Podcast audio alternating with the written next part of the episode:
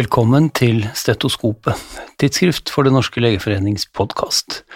Hver annen uke med Irene Rønnaald og helseaktuelle mennesker i studio, og hver annen uke Redaktørens hjørne, der jeg, Are Brean, sjefredaktør i tidsskriftet, gir deg en høyst subjektiv, ofte litt uhøytidelig gjennomgang av de nyeste forskningsartiklene, sakene og debattene i de største internasjonale generellmedisinske tidsskriftene.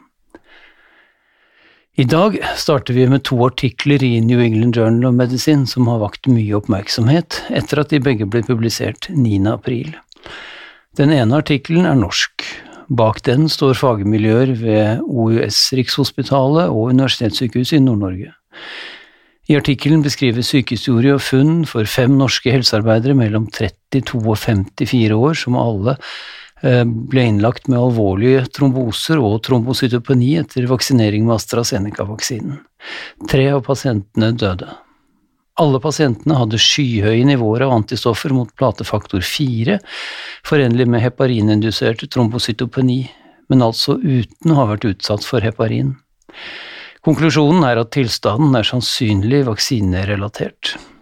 Samme dag, også i New England Journal of Medicine, beskriver en tysk gruppe elleve pasienter med et lignende syndrom med kombinasjon av tromboser og blødninger.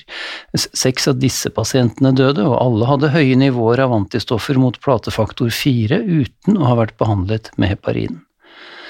Saken har jo allerede vært kjent en stund. Det europeiske legemiddelverket endret allerede i mars preparatomtalen til å omtale som en mulig bivirkning, og det er nå meldt inn i underkant av 200 lignende tilfeller til det europeiske registeret for vaksineovervåkning, Audra Vigilance.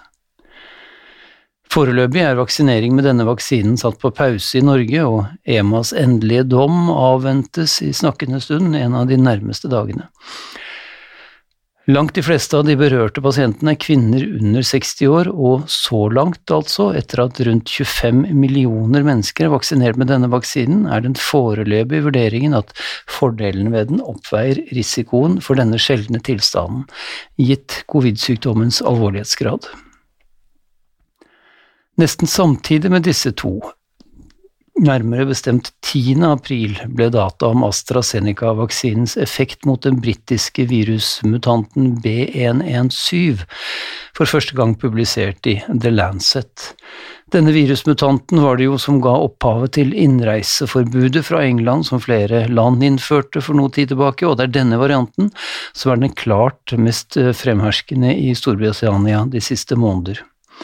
Og ja, AstraZenecas vaksine er effektiv for å hindre infeksjon med også denne varianten av viruset, viser denne fase 2-3-studien av noe over 8000 pasienter. Men vaksinens videre skjebne er jo nå uansett i hendene til det europeiske legemiddelverket, og England har uansett foreløpig stoppet vaksinering med den, slik vi har i Norge, men for Englands del bare i yngre aldersgrupper inntil videre. Og mens vi først snakker om nylige norske bidrag til koronaforskningen. I en artikkel nylig publisert i velrenommerte Journal of Neurology viser forskere fra den norske nevrocovid-studien at to biomarkører for nerveskade kan indikere økt mortalitetsrisiko for pasienter innlagt med covid-19. Konklusjonen bygger på data fra 47 innlagte pasienter, der de som ikke overlevde sykdommen, hadde høyere og økende nivåer av biomarkørene under oppholdet, mens overleverne hadde lavere og stabile nivåer. Dette føyer seg inn i tidligere studier som vi også har snakket om før her i Redaktørens hjørne, og som viser at covid-19 kan ha et nevroinvasivt potensial. Og det er kanskje noe av grunnen til de svært langtrukne forløpene man kan se også hos mildere tilfeller av sykdommen. Det anskueliggjøres i en artikkel fra Sverige, publisert i Yama denne uken. Dette er en delstudie fra et større arbeid som skal studere langtidsimmunitet etter mild covid-19-sykdom hos svenske helsearbeidere. 323 seropositive helsearbeidere og 1072 seronegative fullførte denne delen av studien og ble fulgt opp i åtte måneder etter inklusjonen. 26% altså en fjerdedel av de seropositive pasientene, rapporterte minst ett moderat til alvorlig symptom i minst to måneder, og 15% i minst åtte måneder.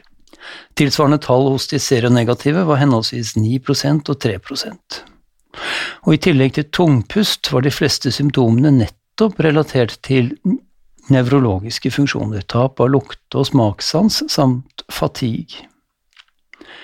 Lignende funn rapporteres også i en mye større studie publisert i Lancet Psychiatry 6. april.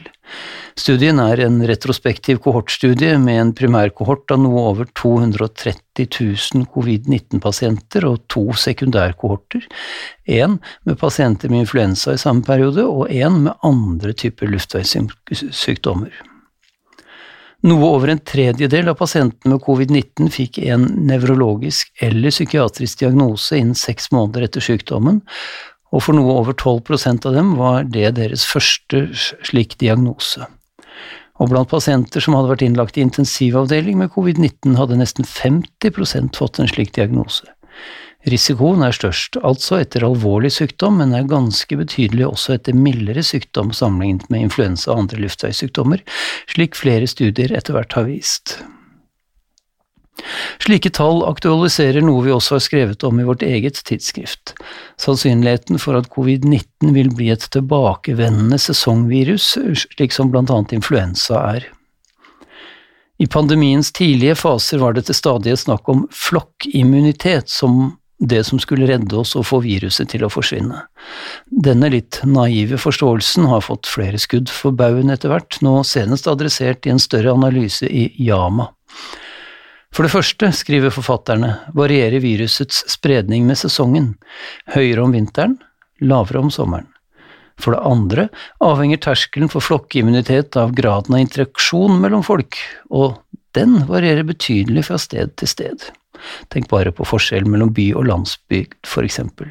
Og for det tredje mener flere nå at terskelen for flokkimmunitet, gitt nye og mer smittsomme mutasjoner, kan overstige 80% om vinteren.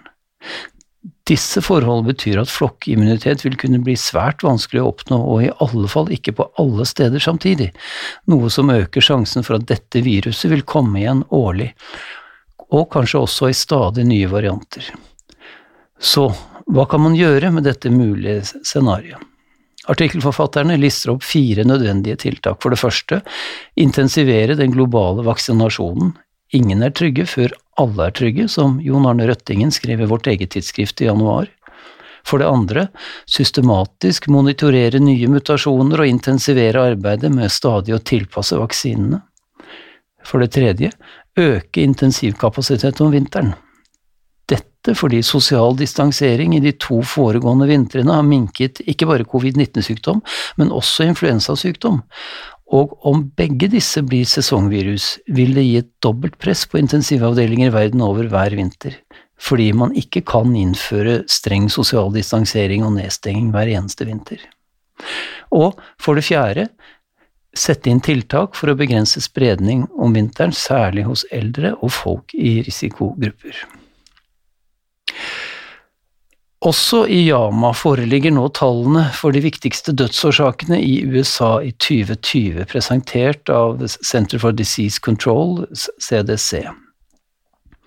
Ikke overraskende har totaldødeligheten økt i 2020 i USA sammenlignet med 2019, faktisk med hele 17,7% Covid-19 er den viktigste grunnen til dette, og covid-dødsfall var den tredje ledende dødsårsaken i USA dette året, etter hjertesykdom og kreft.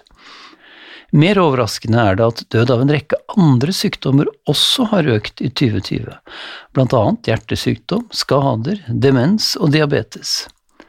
Årsaken, antyder CDC, er at det er en faktisk underrapportering av covid-19-dødsfall, særlig i starten av pandemien, og at dette har ført til feilklassifisering av dødsfall i andre diagnosegrupper. Og om det er riktig, bør man forvente en nedgang igjen i 2021, nå når klassifiseringen har kommet mer på skinner for covid-19 sin del. Så langt har 100 000 amerikanere dødd av covid-19 bare i 2021, og fasiten får vi først om et år. Kinas håndtering av pandemien er en mulighet for samarbeid, skriver The Lancet på lederplass denne uken. 8. april var det nøyaktig ett år siden at den 76 dager lange lockdownen i Wuhan ble avviklet, og Kinas håndtering av pandemien etter det har vært et eksempel til etterfølgelse, skriver The Lancet og lister opp mange eksempler. Kina har fulgt en streng TISK-strategi, slik vi har i Norge. De har også hatt en intensiv teststrategi generelt, som for eksempel etter at tre tilfeller ble oppdaget i Qingdao og nesten samtlige innbyggere i byen, over ti millioner mennesker, ble testet i løpet av fem dager, en utrolig logistisk prestasjon. Samtidig har befolkningen fulgt opp anbefalingen om å reise minst mulig, i et land der nettopp forflyktning har vært stadig mindre regulert de siste årene. Det rapporteres om et 70% fall i reiseaktiviteten i landet i forbindelse med kinesisk nyttår i år, sammenlignet med årene før. Tross Kinas eh, åpenbare suksess i å kontrollere epidemien, i sterk kontrast til mange andre store land, er det en økende skepsis mot Kina i store deler av verden, skriver The Lancet. Og Kinas hemmelighold er virkelig et problem for internasjonalt samarbeid. Eksempelvis har Kina allerede satt over 100 millioner doser av sin egenutviklede vaksine og tar sikte på å vaksinere en halv milliard mennesker innen året er omme. Likevel finnes det fortsatt ingen publiserte fase tre-studier av den kinesiske vaksinen. En holdning totalt på tvers av det internasjonale vaksinesamarbeidet for øvrig, der nettopp åpenhet har vært en kjerneverdi. Likevel, samarbeid med Kina er en mye bedre strategi enn antagonisme, både på myndighetsnivå og i forskning og i akademia, skriver The Lancet. Men Nature, på sin side, har på lederplass denne uken en noe annen innfallsvinkel til de samme problemstillinger. Forrige uke gikk en lang rekke land og aktører sammen i et initiativ for å få på plass en internasjonal avtale som skal regulere en mer koordinert innsats mot den neste store pandemien enn vi klarte denne gang, når nå den måtte komme. Med bedre samarbeid om blant annet smittevernutstyr, regulering av reisevirksomhet på tvers av land og om utvikling av vaksiner, kunne pandemien ha vært taklet betydelig bedre i et globalt perspektiv, er tanken. WHO er med, det samme er EU og en rekke land i Afrika, Asia og Sør-Amerika. Betegnende nok er verken USA eller Kina med foreløpig, og Nature på lederplass er skeptisk til ideen. For det første vil det å få med alle land være en krevende og langtrukken prosess, mener de, og for det andre er det vel og bra med myndighetsforpliktelser, men uten forskermiljøene og de ikke-governementale organisasjonene vil ikke et slikt samarbeid nytte. For det tredje bør man ikke gå løs på en slik avtale før man har funnet ut av hvorfor de allerede eksisterende avtalene ikke ser ut til å fungere. Og for det fjerde skriver Nature vil en avtale kreve at WHO gis mer makt, og det er det langt fra alle som er villige til å gi dem. Men hva som er alternativet til en koordinert global innsats eh, når den neste store pandemien kommer, det har ikke Natures lederskribent noe svar på. Og når alternativet er ikke-eksisterende, kan man virkelig lure på hva som er galt med forpliktende internasjonalt samarbeid på denne måten. Det er bare den videre skjebnen til dette initiativet som vil vise om Nature har rett i sin noe pessimistiske analyse. Og det var det vi rakk i redaktørens hjørne denne gang. Jammen ble det bare covid-19 nå på den forhåpentlige tampen av de mest inngripende tiltakene her i landet. Forhåpentlig blir det plass til mye annet stoff enn bare dette i episodene fremover, i takt med at samfunnet langsomt åpner opp igjen og vi kan åpne øynene også for annet enn bare covid-19. Vi høres neste gang.